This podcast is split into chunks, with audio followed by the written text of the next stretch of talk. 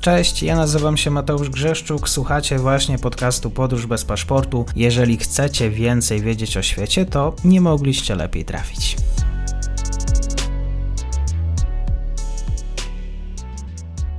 Dzień dobry wszystkim słuchaczom.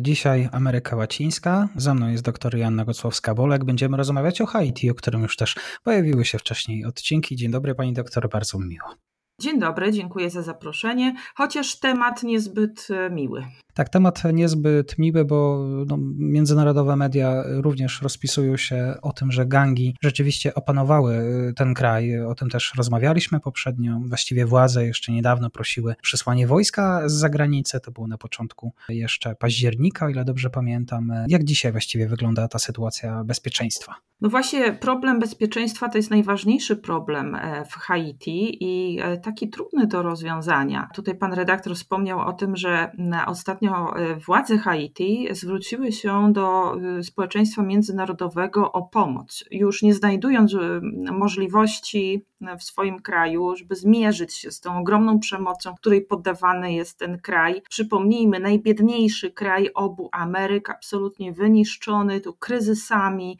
również zmagający się z następstwami katastrof naturalnych, które co, co jakiś czas się tam odnawiają, ale też z ogromnym kryzysem politycznym. To jest kraj, e, w którym dzisiaj nie ma tak naprawdę takiej, e, e, takiej legalnej władzy. De facto jest władza sprawowana przez premiera.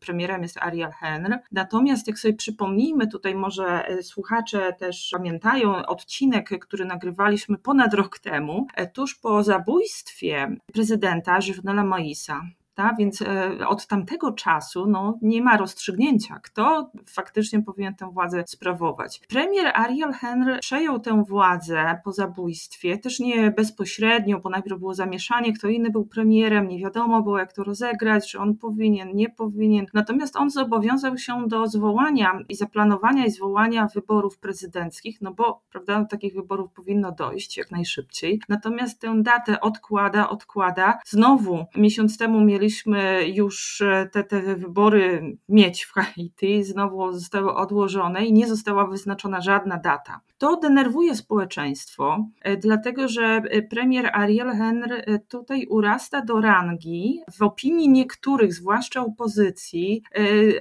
takiego małego dyktatora. I nie wiadomo w jaki sposób też no, można by taką władzę mu teraz odebrać. Natomiast on widząc też no, swoją taką niemożność sprawowaniu faktycznej władzy, w egzekwowaniu tej władzy, uwagi na, na, na rosnącą przemoc ze strony gangów, on zwrócił się niedawno właśnie do społeczności międzynarodowej o pomoc i ta pomoc y, miałaby oznaczyć właśnie zagraniczną interwencję, która z kolei, czy miałaby wzmocnić jego władzę? I to jest takie pytanie, które zadają sobie y, obywatele Haiti, zwłaszcza opozycjoniści też, którzy nie są dopuszczeni tutaj do, do, do żadnych rozmów, do żadnych negocjacji. To tak za, za, za bardzo nie wybrzmiewa, bo i to opozycja jest podzielona, nie ma tam jednego lidera, nie ma kogoś, kto mógłby tu się zmierzyć e, skutecznie w, w, tym, w tym politycznym takim galimatiasie. No ale jednak również społeczeństwo nie jest zadowolone z takiej, z takiej prośby, dlatego że no to przywodzi na myśl od razu tu, tu różne wcześniejsze wydarzenia, gdzie Haiti było no, zawłaszczone de facto przez, przez zagraniczne zagraniczne, różne siły przez inne kraje i, i ta interwencja miałaby się tak kojarzyć. Z drugiej jednak strony, czy, czy już z kolejnej strony, no bez tej zewnętrznej pomocy, no wielu ekspertów przewiduje, że nie jest możliwe dzisiaj sprawowanie e, władzy, egzekwowanie tego, no i zwalczenie tej ogromnej przemocy gangów. I, I musimy tutaj zauważyć, że już teraz Stany Zjednoczone i Kanada zdecydowały się, że wyślą do, do Haiti e, sprzęt policyjny, taki, który pomoże po prostu z rozprawieniem się z, z tymi gangami, dlatego że policja haitańska jest niedofinansowana, jest zbyt słabo wyposażona w porównaniu z wyposażeniem właśnie gangów, nie dysponuje mm, sprzętem w postaci takich samochodów opancerzonych, czy nie, nie ma takich możliwości po prostu technicznych, aby zmierzyć się z tymi gangami. Więc we wszystkich dzielnicach, które gangi zajmują, to gangi wygrywają i tam właściwie policja ani nie wchodzi, ani nie, no nie ma sposobu, żeby interweniowała. Tych policjantów jest za mało, oni są też słabo opłacani, więc tutaj próby oczywiście i korumpowania, przekupywania, i zastraszania, no zawsze, zawsze się powiodą e, gangsterom. E, natomiast część społeczeństwa też jest przeciwko, przeciwko premierowi, no przeciwko policjantom, domagając się e, natychmiastowej dymisji premiera, przeprowadzenia wyborów i rozwiązania tego konfliktu politycznego. Mhm. A skąd właściwie wzięły się te gangi? To jest jakaś konfederacja, grupa, kto w pewien sposób, no, nazwijmy to, zebrał wszystkie te różne pomniejsze organizacje to jest e, właśnie takie zjawisko, które myślę, że jest zadziwiające w przypadku Haiti, chociaż cały region oczywiście znany z tego, e, że, że, że tam gangi e, są bardzo silne. Natomiast w przypadku Haiti widzimy taką rosnącą rolę i siłę gangów gdzieś od 2010 roku. I te gangi były i są wciąż finansowane przez różnych polityków, w zależności od tego, co komu pasuje to, aby zwalczać się nawzajem i aby umacniać swoją własną władzę. I to również prawdopodobnie, możemy, możemy w ten sposób to na dzisiaj już analizować, e, było taką okolicznością, która doprowadziła do morderstwa prezydenta Żewnela Moisa, który był z całą pewnością no, w takiej sieci powiązań, on gdzieś tam e, również e, uczestniczył. I, i tutaj nie mamy jeszcze wciąż odpowiedzi na pytanie, kto stoi za no, tą decyzją o, o wymierzeniu wymierzeniu tego wyroku prezydentowi i co, co tam jest związane z tym jego zabójstwem. Natomiast wiemy, że o tym też już rozmawialiśmy, ale krótko przypomnę, że e, prezydent Jovenel Moïse w momencie, gdy już nie mógł sobie poradzić z tymi, z tymi gangami i inni politycy tam jeszcze e, byli zagmatwani właśnie w inne, w inne gangi, e, które ze sobą walczyły i, i to wszystko zaczęło być już zbyt skomplikowane,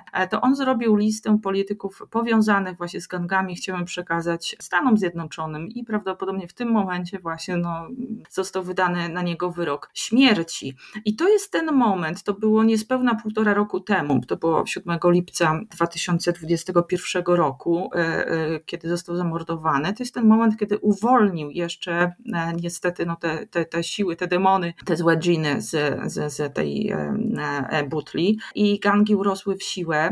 W tej chwili jest, tych gangów oczywiście jest dużo, ale mówi się o takiej konfederacji gangów, czy, czy o jakiejś powiązanej w ogóle strukturze, która, no, tak jak wspomniałam, jest silniejsza w ogóle od, od policji. Ona, mm, przynajmniej jeśli chodzi o samą stolicę Port-au-Prince, to kontroluje co najmniej 60% ludności, tak całkowicie kontroluje, to znaczy odcięła e, ich od, od jakichś zewnętrznych e, e, dostaw, tam nie ma w ogóle dostaw paliwa, są zablokowane porty, co utrudnia dostarczanie właśnie paliwa, co jest największym problemem, ale też na przykład pomocy humanitarnej, czy, czy nawet jeżeli coś trafi, to rozdzielaniem jej. Nie ma możliwości e, przewozu żywności, wody pitnej, co też jest dużym problemem, dlatego że niedawno niestety pojawiła się znowu epidemia cholery i tych zakażeń jest już bardzo dużo. Przede wszystkim no, w, dużej, w dużej części to są bardzo małe dzieci i, i tutaj też no, nie znamy tych dokładnych liczb, natomiast nie ma możliwości na przykład przewożenia tych tych, tych dzieci do szpitali, a też same szpitale no, muszą pracować z generatorami prądu, a też, y, bo elektryczności i wody nie ma, więc to, to wszystko jest oczywiście sytuacja absolutnie już trudna. Natomiast y,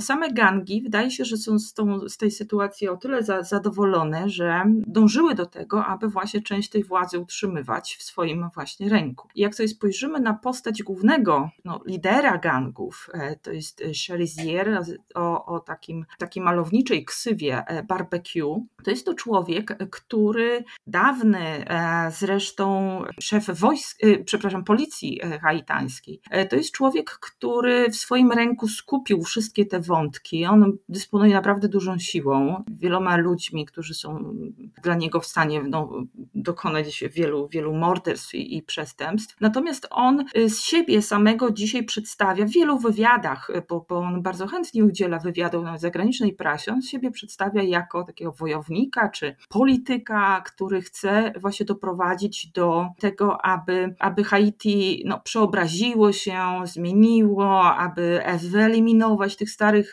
polityków. No i on sam tu ma ambicje takie polityczne. On doszedł, doszedł właściwie do, dzisiaj do władzy no, takiej gangsterskiej, natomiast jemu marzy się taka legalna władza również, więc sam siebie przedstawia jako rewolucjonistę walczącego z systemem nierówności, z elitami, które go kontrolują. Mówi, że walczy o nowe społeczeństwo, a więc o kolejne Haiti, w którym już nie tylko te najbogatsze 5% będzie no, miało środki na przeżycie, ale ale właśnie, że każdy może mieć jedzenie, czystą wodę, aby mieć e, no, prawo do przeżycia, dom do życia. Natomiast no, jego działania de facto nie wskazują na, na takie humanitarne e, ambicje, dlatego że no, przez jego właśnie blokadę i, i samego, samych portów i e, całej stolicy de facto no, ludzie nie, nie mają dostępu do wody, do żywności, dzieci nie chodzą do szkoły, co jest ogromnym problemem. Już od, od wielu tygodni no, nie mogą się przemieszczać i no, właściwie no, ta edukacja i tak jest niedofinansowana, ale w tym momencie w ogóle nie mają dostępu do szkół, co, co, co myślę, że jest jeszcze kolejną tragiczną e, okolicznością. Sam przydomek barbecue zresztą Cherzier e, tłumaczy inaczej niż zwykle przedstawiamy to w, w różnych analizach takich. E, I nie jest już tak malowniczo, po prostu mówi, że był kiedyś e, w jednej z, urodził się w jednej z biednych dzielnic, był najmłodszym dzieckiem z ośmiorga i musiał pomagać swojej mamie, która sprzedawała takie grillowane kurczaki w jednym ze stoisk i właśnie takie, prawda, było to stoisko nazywane nazywał barbecue i stąd, stąd właśnie jego przydomek. Tak jest. Bardzo dziękuję za ten komentarz. W szczególności, że, że o Haiti mówi się mało. Doktor Janna Gocłowska-Bolek. Do usłyszenia. Dziękuję bardzo. I to już koniec na dzisiaj. Zapraszam na profil podcastu Podróż bez paszportu na Facebooku, Instagramie i Twitterze. Zachęcam też do wsparcia mojej pracy na serwisie Patronite oraz Buy Coffee. Do usłyszenia.